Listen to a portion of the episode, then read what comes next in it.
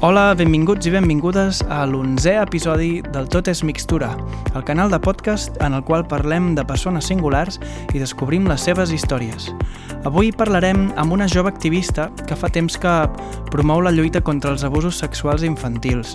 Ella va trencar un silenci que l'aïllava des de que era petita i ara ajuda a educar persones i a nens i nenes en aquesta qüestió. En l'episodi anterior vam parlar amb l'Helena López, una jove emprenedora que ha creat una associació que promou la interculturalitat i que ofereix oportunitats laborals a persones refugiades. Si voleu saber-ne més i encara no heu escoltat els episodis anteriors, us animem a fer-ho entrant a la nostra web azahara.org barra podcast.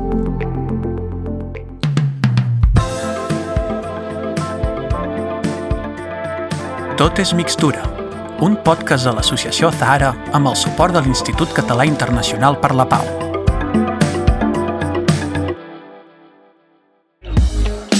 Cada setmana obrim els micròfons del Tot és Mixtura per a que aquelles persones que ens escolteu ens feu arribar les vostres reflexions sobre els diferents temes que parlem.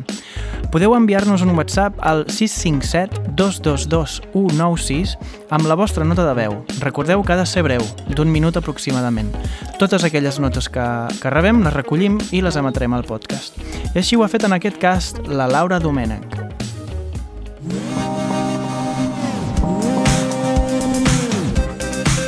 Tot és parlar-ho. Notes de veu curtes per a llargues reflexions al Tot és mixtura.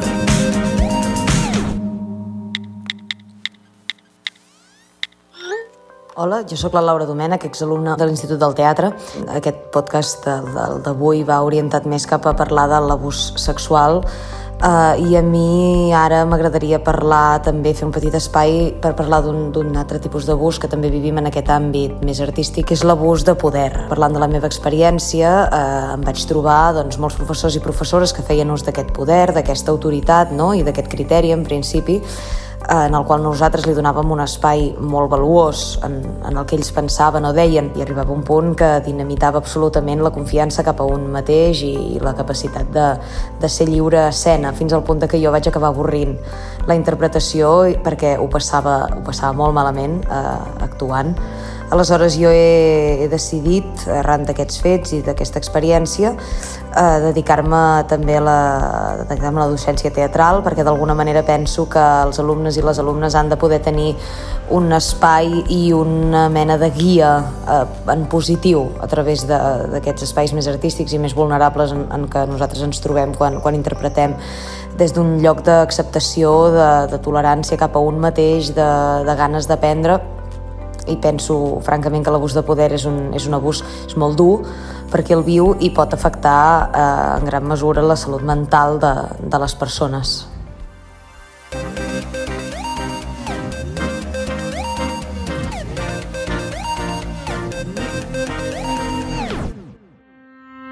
Després d'aquesta sàvia reflexió de la Laura, ens trobem amb la Carme Diaby.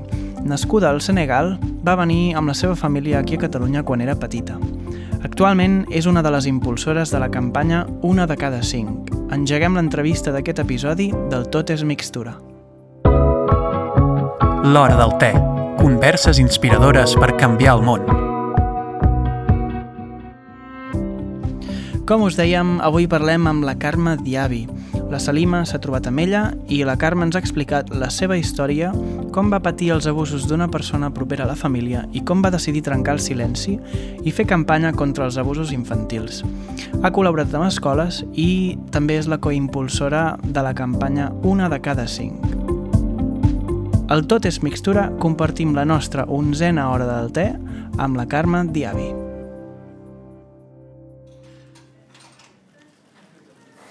Hola a tots i totes. Al capítol d'avui parlarem amb la Carme Diaby. Ella és una jove activista coimpulsora de la campanya 1 de cada 5 per la prevenció de l'abús sexual infantil. Benvinguda al Tot és Mixtura, Carme, i gràcies per participar en aquesta entrevista. Com estàs? Gràcies a vosaltres. Estic molt bé, molt bé. La veritat és que molt contenta de participar al vostre programa i amb ganes de, de fer tertúlia. Moltes gràcies, també amb moltes ganes de poder compartir amb tu aquesta estona perquè segurament la gent que ens escolta avui doncs, coneixerà a la Carme i a la feina tan important que feu, Carme.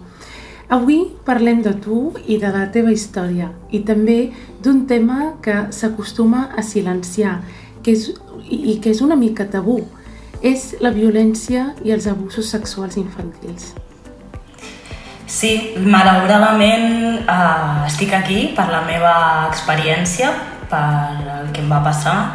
Eh, el, el meu cas és... Eh, bueno, la meva història és la història de moltíssima gent. Com has dit molt bé, l'abús sexual és un tema molt tabú, és un tema que no se'n parla i a dia d'avui doncs, cada vegada hi ha més gent que, que està mm, que té més ganes no? de denunciar i de, i de posar-se davant per dir que això no ha de succeir més. No? Carme, tornarem a parlar de la teva experiència. Sabem que tu vas néixer al Senegal i que vas venir a Catalunya amb l'edat d'un any. Explica'ns una mica quin va ser el context d'aquest viatge i com vas arribar aquí. Doncs la veritat és que la meva història és molt curiosa perquè jo vaig arribar aquí que em va portar una família catalana, per això em dic Carme, no? Eh, el, meu, el meu pare va conèixer, va venir aquí, com tot immigrant, a buscar, a buscar feina, i després doncs, eh, va conèixer una família que el va acollir. I bueno, aquesta família doncs, es van, com sempre diuen, es van enamorar del meu pare, no? van dir, ostres, quin, quin noi més interessant, que maco.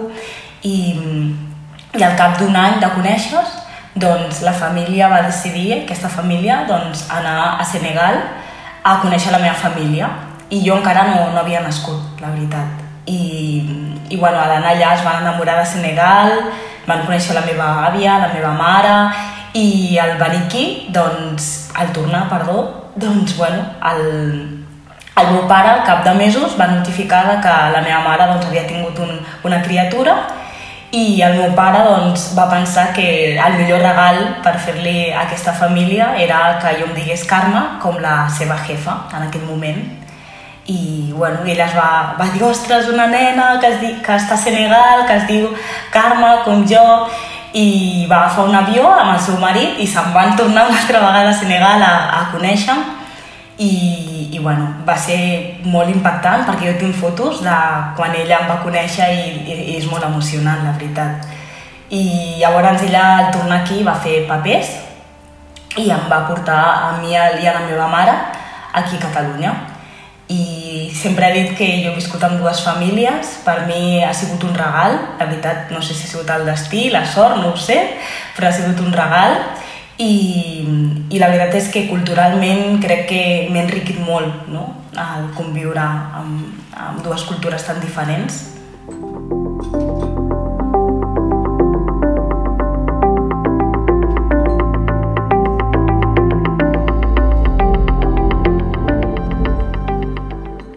Recordes els teus inicis i la teva infància, Carme? Va ser feliç? Eh, et vas sentir bé? Acollida? Doncs ja et pots imaginar, dos famílies. Eh, jo vivia els primers anys de la meva vida en un taller d'escenografia perquè aquesta família és escenògrafa eh, i clar, el meu món era fantasia total, cada, cada, cada dia era un decorat diferent, eh, per òperes, teatre, cinema i i la veritat és que això em va fer doncs, eh, estar en un món imaginari superbonic i estar envoltada de moltíssima gent molt creativa, també, molt creativa i, i molt comprensiva. No? Eh, penso que també he tingut molta sort no, de viure en aquest context i el món de l'art, per exemple, a mi m'encanta i, i bueno, crec que l'he mamat des de, que des de que sou petita. No? I... Exacte, i ben envoltada, no? Sí, sí, sí, sí, totalment, sí, sí, sí. Es coneix que la principal eina de prevenció d'abusos és parlar-ne, trencar el silenci. I tu vas, fer, vas tenir la fortalesa de fer-ho, Carme. Tu vas patir abusos de petita, eh, com tal com ens has explicat. Com, quan van començar? Com t'hi vas sentir, Carme? La veritat és que quan he, he intentat recordar quan va començar, encara no, no me'n recordo. Suposo que la ment, no, per autoprotegir-se, doncs, ha borrat molts moments. Exacte.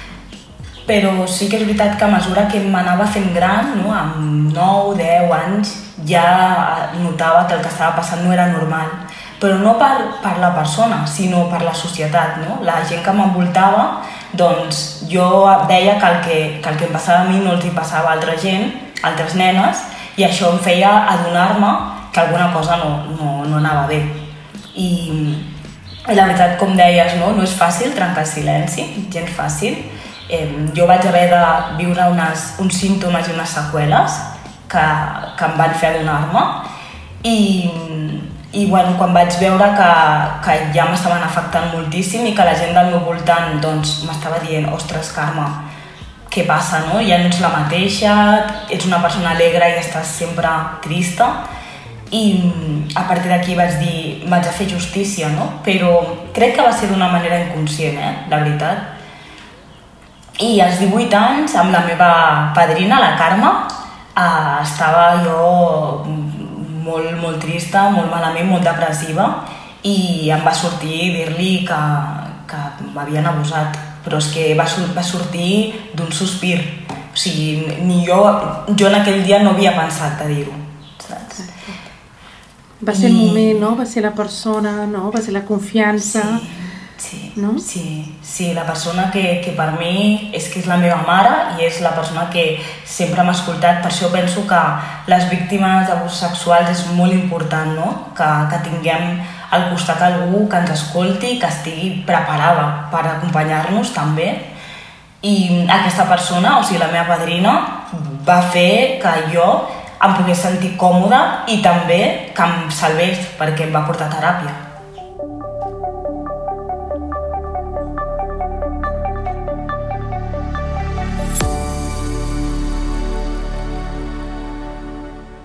Uh, quan parlem d'abusos infantils, en alguns casos es produeixen per part de persones properes, no? o molt properes a l'entorn, o inclús de persones que formen part de la família del nen o la nena en qüestió.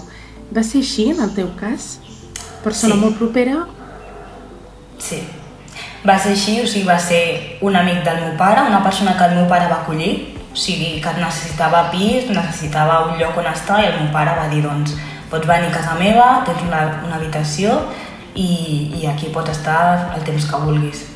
I a, a l'abús sexual jo sempre explico les meves conferències, les meves xerrades, no?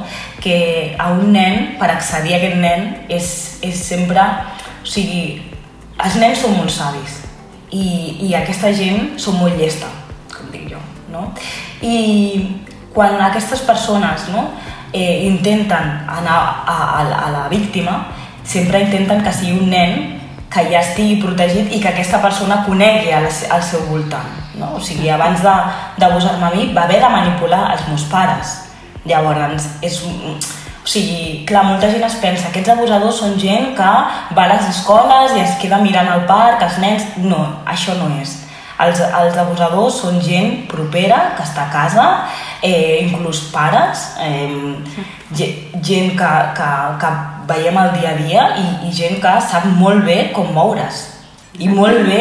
Sí. I, I que sobretot, no, un punt que tu has comentat, Carme, és la confiança, no? aquesta que guanya tant de part del nen, nena, com també de la família entorn proper. Si no sí. és no, el pare o normalment, si és una persona no tan propera, doncs intenta no, guanyar-se l'entorn perquè no es vegi, no? Sí, sí, sí. I crec que això és el que fa més mal. Perquè al final la meva mare a dia d'avui és el que li ha fet més mal, perquè és la confiança, no? Que entrar una persona a casa que tu creus que és bona persona i resulta que eh, t'ha manipulat durant moltíssims anys, no? I això és el que fa mal.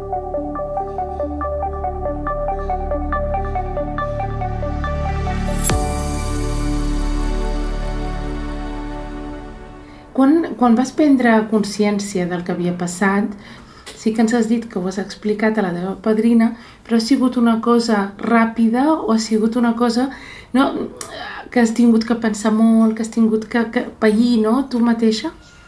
Sí, vaig estar sis anys eh, fent teràpia, sis anys que la meva padrina veia aquest home perquè era la seva jefa.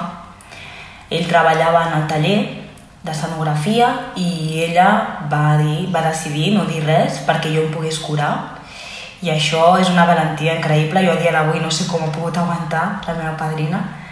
Eh, sis anys que per mi era com tornar enrere i tornar a connectar amb mi mateixa. Crec que va ser un període molt dur però a la vegada molt mm, reconfortant no? per poder tirar endavant i després als 24 anys vaig eh, decidir explicar-ho a tota la meva família i la veritat és que va ser un dia uf, molt intens, la veritat. I, i el fet, i, i el fet d'explicar-ho, imagino que va ser un pas molt eh, important, però a la vegada molt difícil, i denunciar-ho, què tal? I denunciar-ho, imagino que encara més. Què tal? Com et vas sentir? Jo, la veritat és que et diré una cosa. Quan jo vaig explicar-ho a, a la meva mare, la meva mare és una dona musulmana, eh, pensava que ella no, no, no estaria al meu costat, que em qüestionaria el, a, el meu cas. Llavors, eh, quan jo vaig explicar-ho tenia molta por, però quan li vaig explicar a meva mare, ella va reaccionar molt bé, molt bé, i em va dir Carme, hem d'anar a denunciar i això em va fer descobrir la meva mare i descobrir que jo tenia una mare valenta i una mare uh, feminista i que mm, no volia callar-se ni una. I això em va fer que el procés de la, de la denúncia volgués fer-ho d'una manera eh, totalment eh, empoderada. O sigui, jo estava a comissaria parlant amb la, amb la policia i jo li deia, és que us vull explicar tot. I clar, els Mossos estaven com, mare meva, sí, sí, tranquil·la, tranquil·la, aquí estem. Però crec que aquesta valentia i aquestes ganes de, de fer-ho va ser gràcies a la meva mare. Si no, jo no, no ho hagués fet d'aquesta manera, no? O sigui, tenir suport és la clau per poder fer aquests, aquests passos d'una manera sana.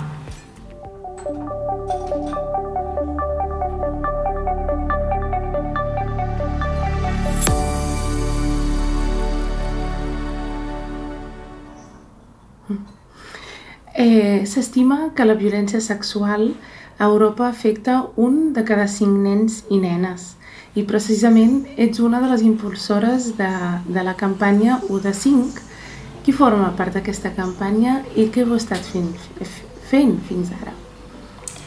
Doncs aquesta campanya forma part, o sigui, el que volem visibilitzar és moltes històries, perquè al final la meva història és una de moltes, no? Quan vaig sortir al programa de Quatre Gats, eh, jo pensava que, que seria el programa i que acabaria i ja està.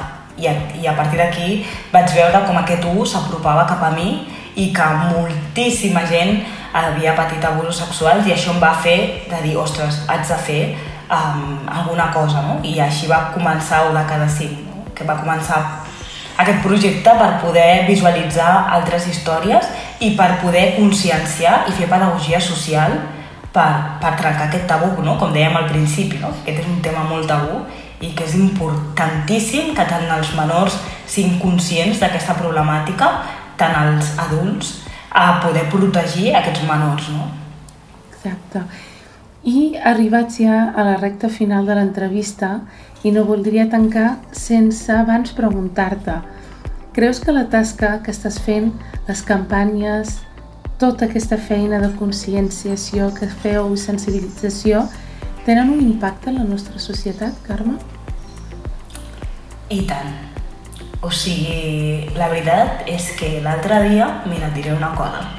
L'altre dia estàvem fent una conferència i hi havia, ah, bueno, era una, una xerrada per nens petits i quan vam acabar un nen ens es va apropar i ens va dir gràcies perquè m'esteu protegint.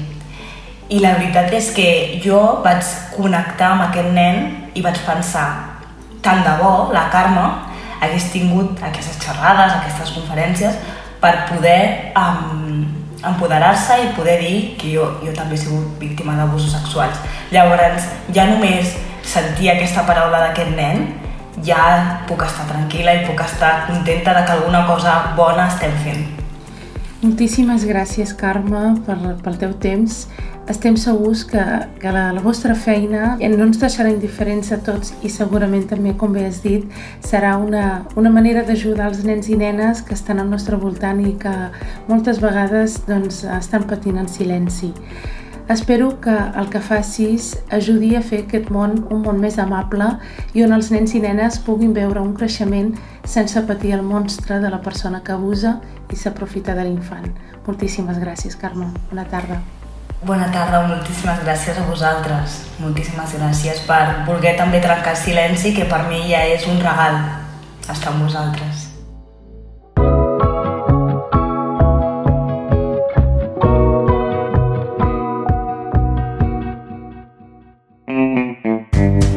Fins aquí l'entrevista d'aquest episodi. Gràcies, Carme, gràcies, Salima. Uh, com cada setmana acabarem amb una mica de música i en aquest cas ho farem amb la música de la Jassamí Boada amb aquesta cançó del seu últim disc titulada Com si no fossis ningú.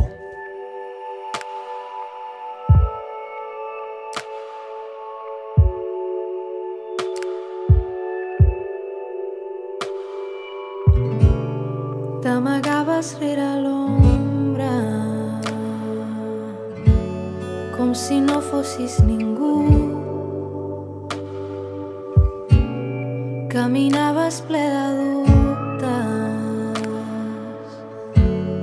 el teu pas no era segur.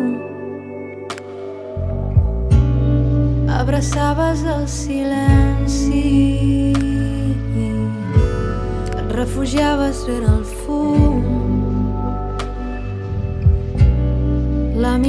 Trista i moixa Com si res anés amb tu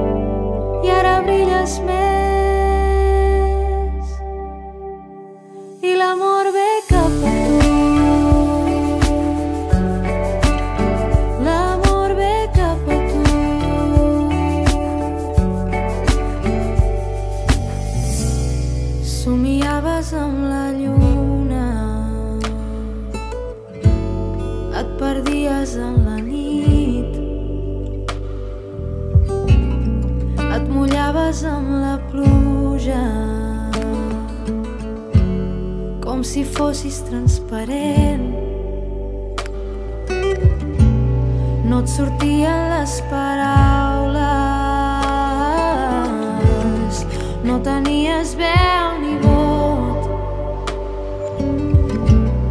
Estimaves amb vergonya Com si t'ho haguessin prohibit. Com si res anés amb tu Com si no fossis ningú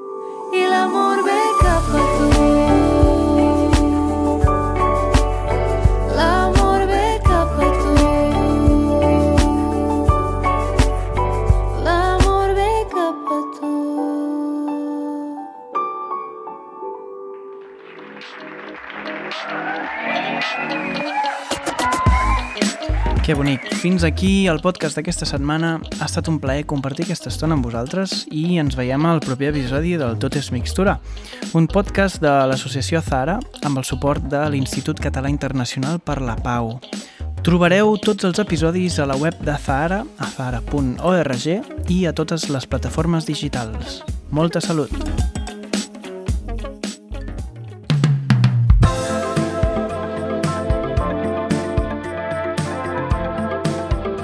Tot és mixtura